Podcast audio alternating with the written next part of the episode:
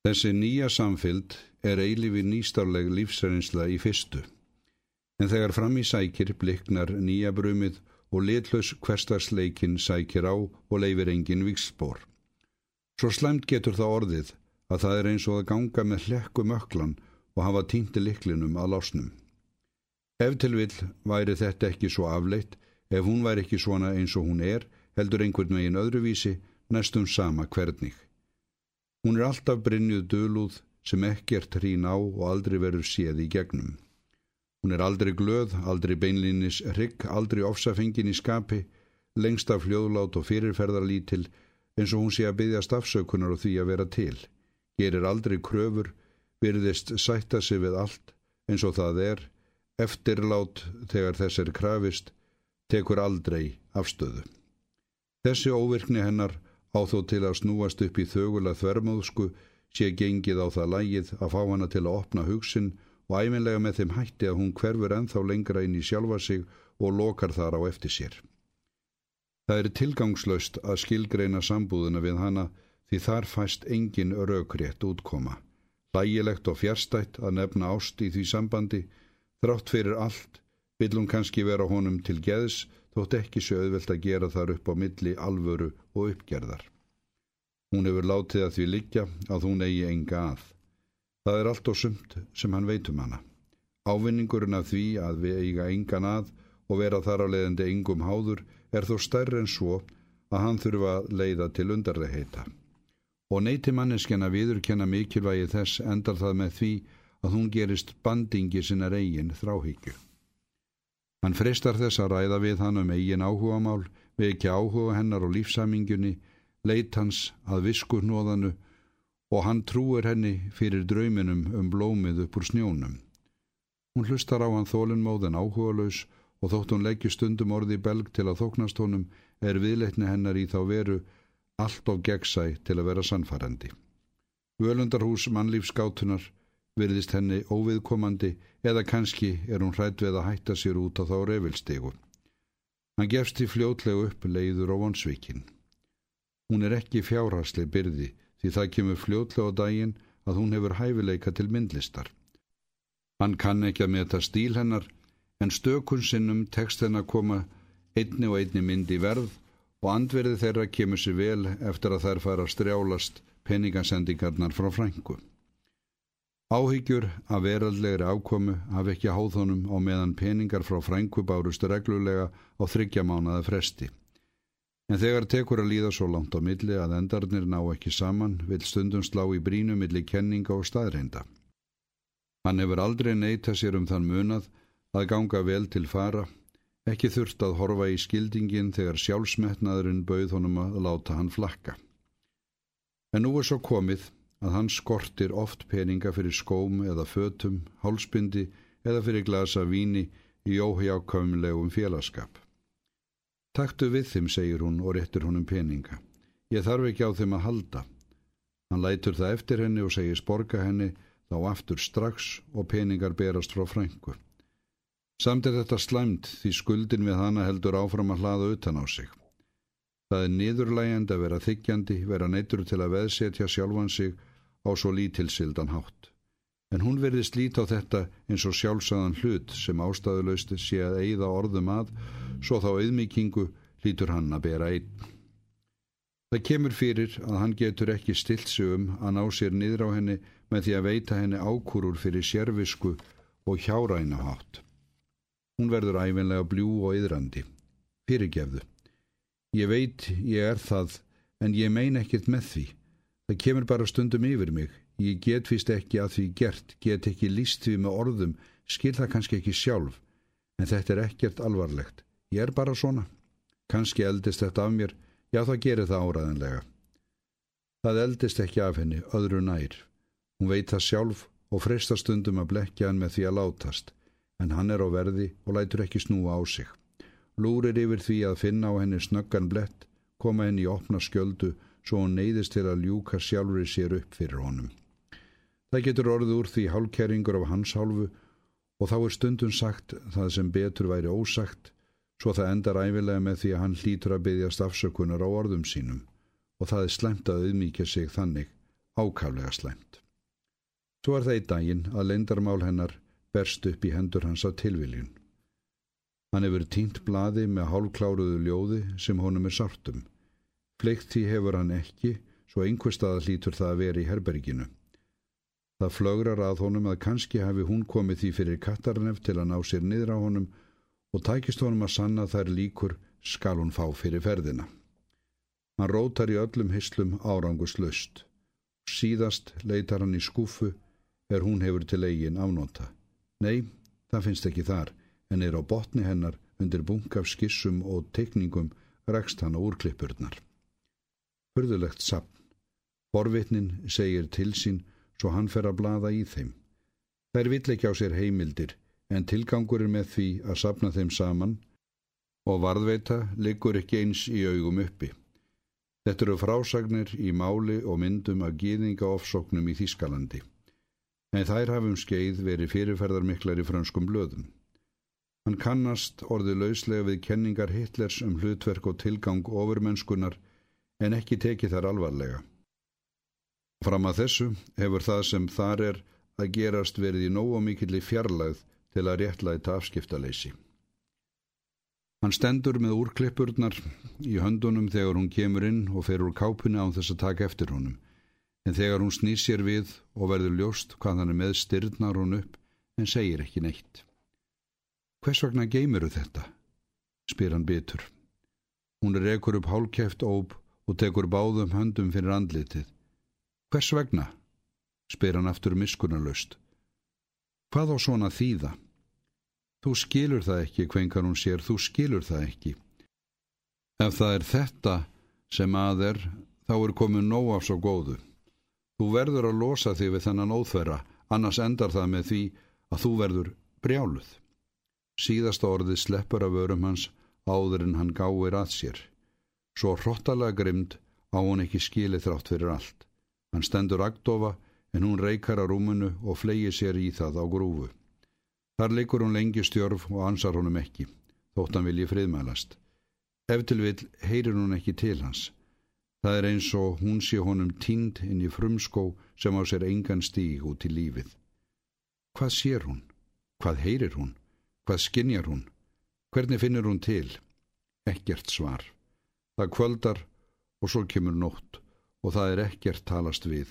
Maður og kona kvíla hlið við hlið í myrkri og það er langt á milli þeirra. Dægin eftir hefur hún náði jafnvægi.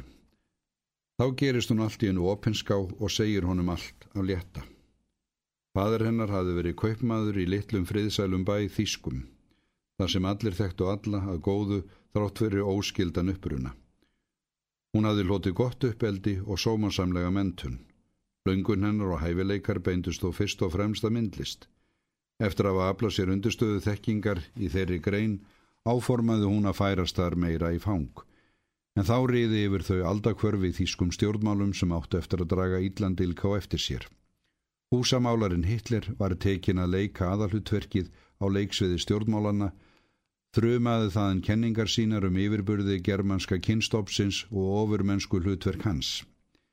Þeir sem áttu sér annan uppruna játuð aðra guði eða þverskölluðust við að virða hreinan og háleitan tilgang ofurmennskunar hluta súpa af því segðið því of lengi hafði þeim haldist uppi að koma ársinni fyrir borð á hennar kostnað.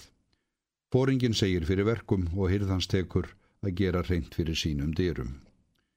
Fjölskylda hennar verður með þeim fyrstu sem hlýtur að gjalda þess að það var hlotið óhrind blóð í arf. Hús hennar er brent og stúlkan Júdit á samt foreldrum sínum og fjölda annara sem dændir hafa verið óhreinir er flutt eins og fjenaður út fyrir istu takmörgum enskrar tilveru svo þeir fá ekki lengur stuggað við samvisku ofurmennskunar. Þeirri óendanlegu krossgöngu verður aldrei líst með orðum einum því þar var hvers á smáspölur varðaðu smán, svívirðing og dauða. Stúlkan Júdit týnir foreldrum sínum en sjálfur er tekst henn að sleppa á reksturinnum með einhverjum óskiljanlegum hætti. Nei, hún hefur ekki hugmyndum hvernig það vildi til og hún man ekki lengur hvað á dagana dreif lengi lengi. Eins og hún hefði tínt sjálfri sér í frumskói þar sem tíminn leysist upp og glataði merkingu sinni og engin vonum að rata út úr honum. Og hingað komin er hún enn á valdi myrkviðisins. Hún er laungu hægt að gera upp á milli tilgangs og tilgangsleysis búin að glata hæfileikanum til að trúa á lausnina. Pistill þjáningarinnar hefur grafist svo djúft í vitundennar að hún verður ekki numinn bult. Síðdegi eitt situr hún því einn við borð í skuggsýtni krá og reynir að drekka í sig þrek til að geta lokið því af sem ekki verður slegið á frest lengur.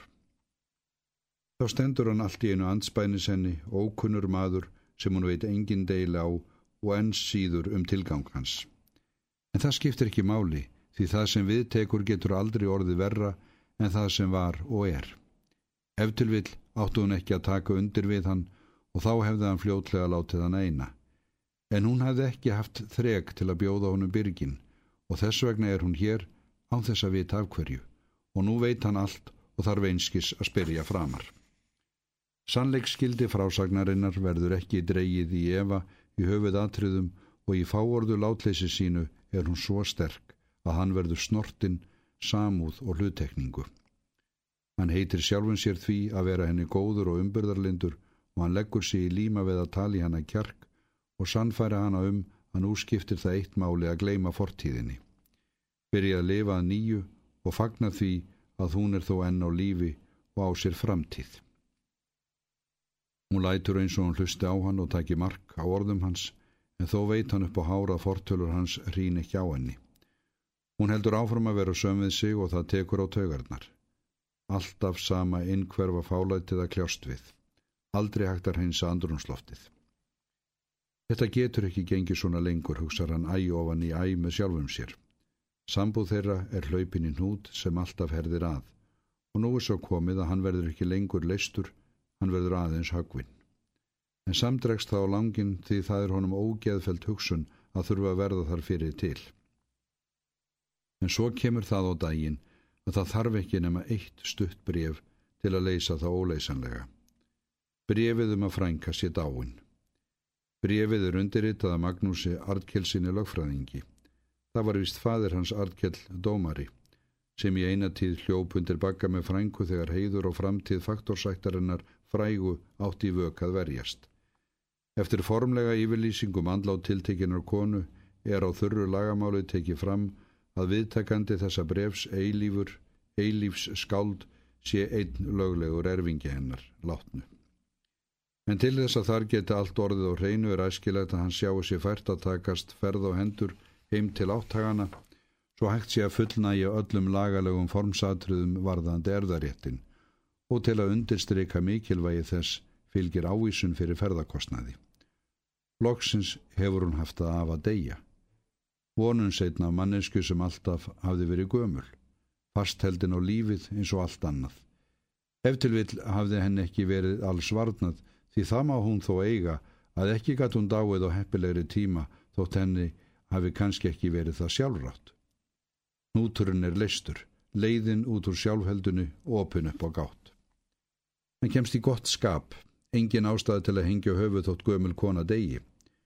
Jútit gefur honum auga í laumi á meðan hann les brefið. Spyr einskis en að svip hans má ráða að það flyttur góðar fréttir. Frænka er dáinn, segir hann svo eftir hæfilega langa byð. Hann hefur að sjálfsögðu minnst á frænku við hanna, svo fréttin þarf ekki að koma henni óvart. Samt lítur hún á hann hissa. Frænka þín dáinn, endur tekur hún. Það lítur að vera sorglegt fyrir þig. Hún var orðingu ömul, ansar hann kuldalega. Þegar fólk er orðið gamalt endar það æfilega með því að það deyr. Þú hefur sagt mér að þú ættir ekki aðra en hana.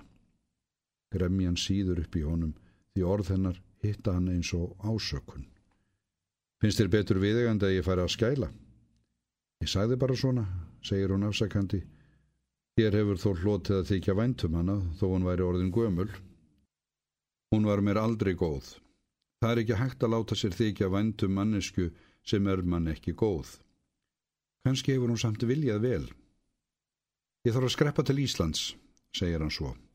Auðvitað verður að skreppa heim til þín fyrst þetta kom fyrir.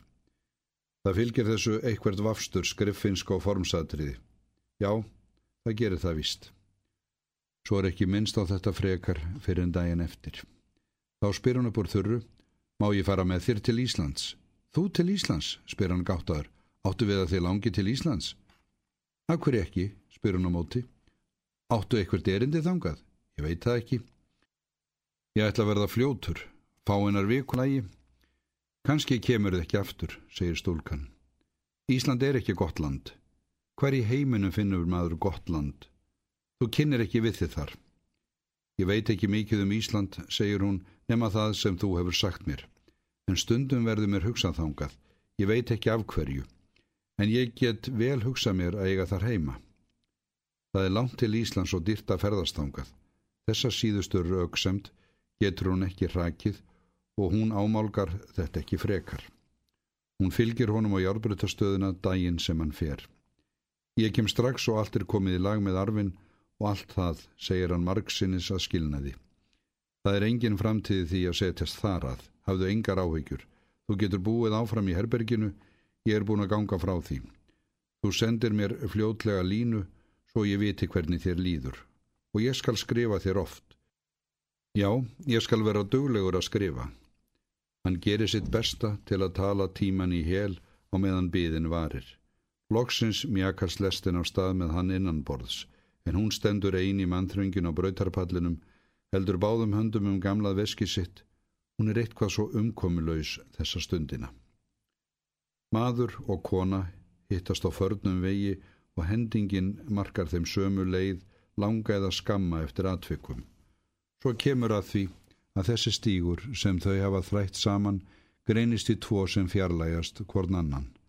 Maðurinn velur þann sem hann veit sér ákvarðaðan en konan beigir inn á hinn sem afgangsir. Tilviljun eða eitthvað annað. Ástæðulust að brjóta heilanum það lengur.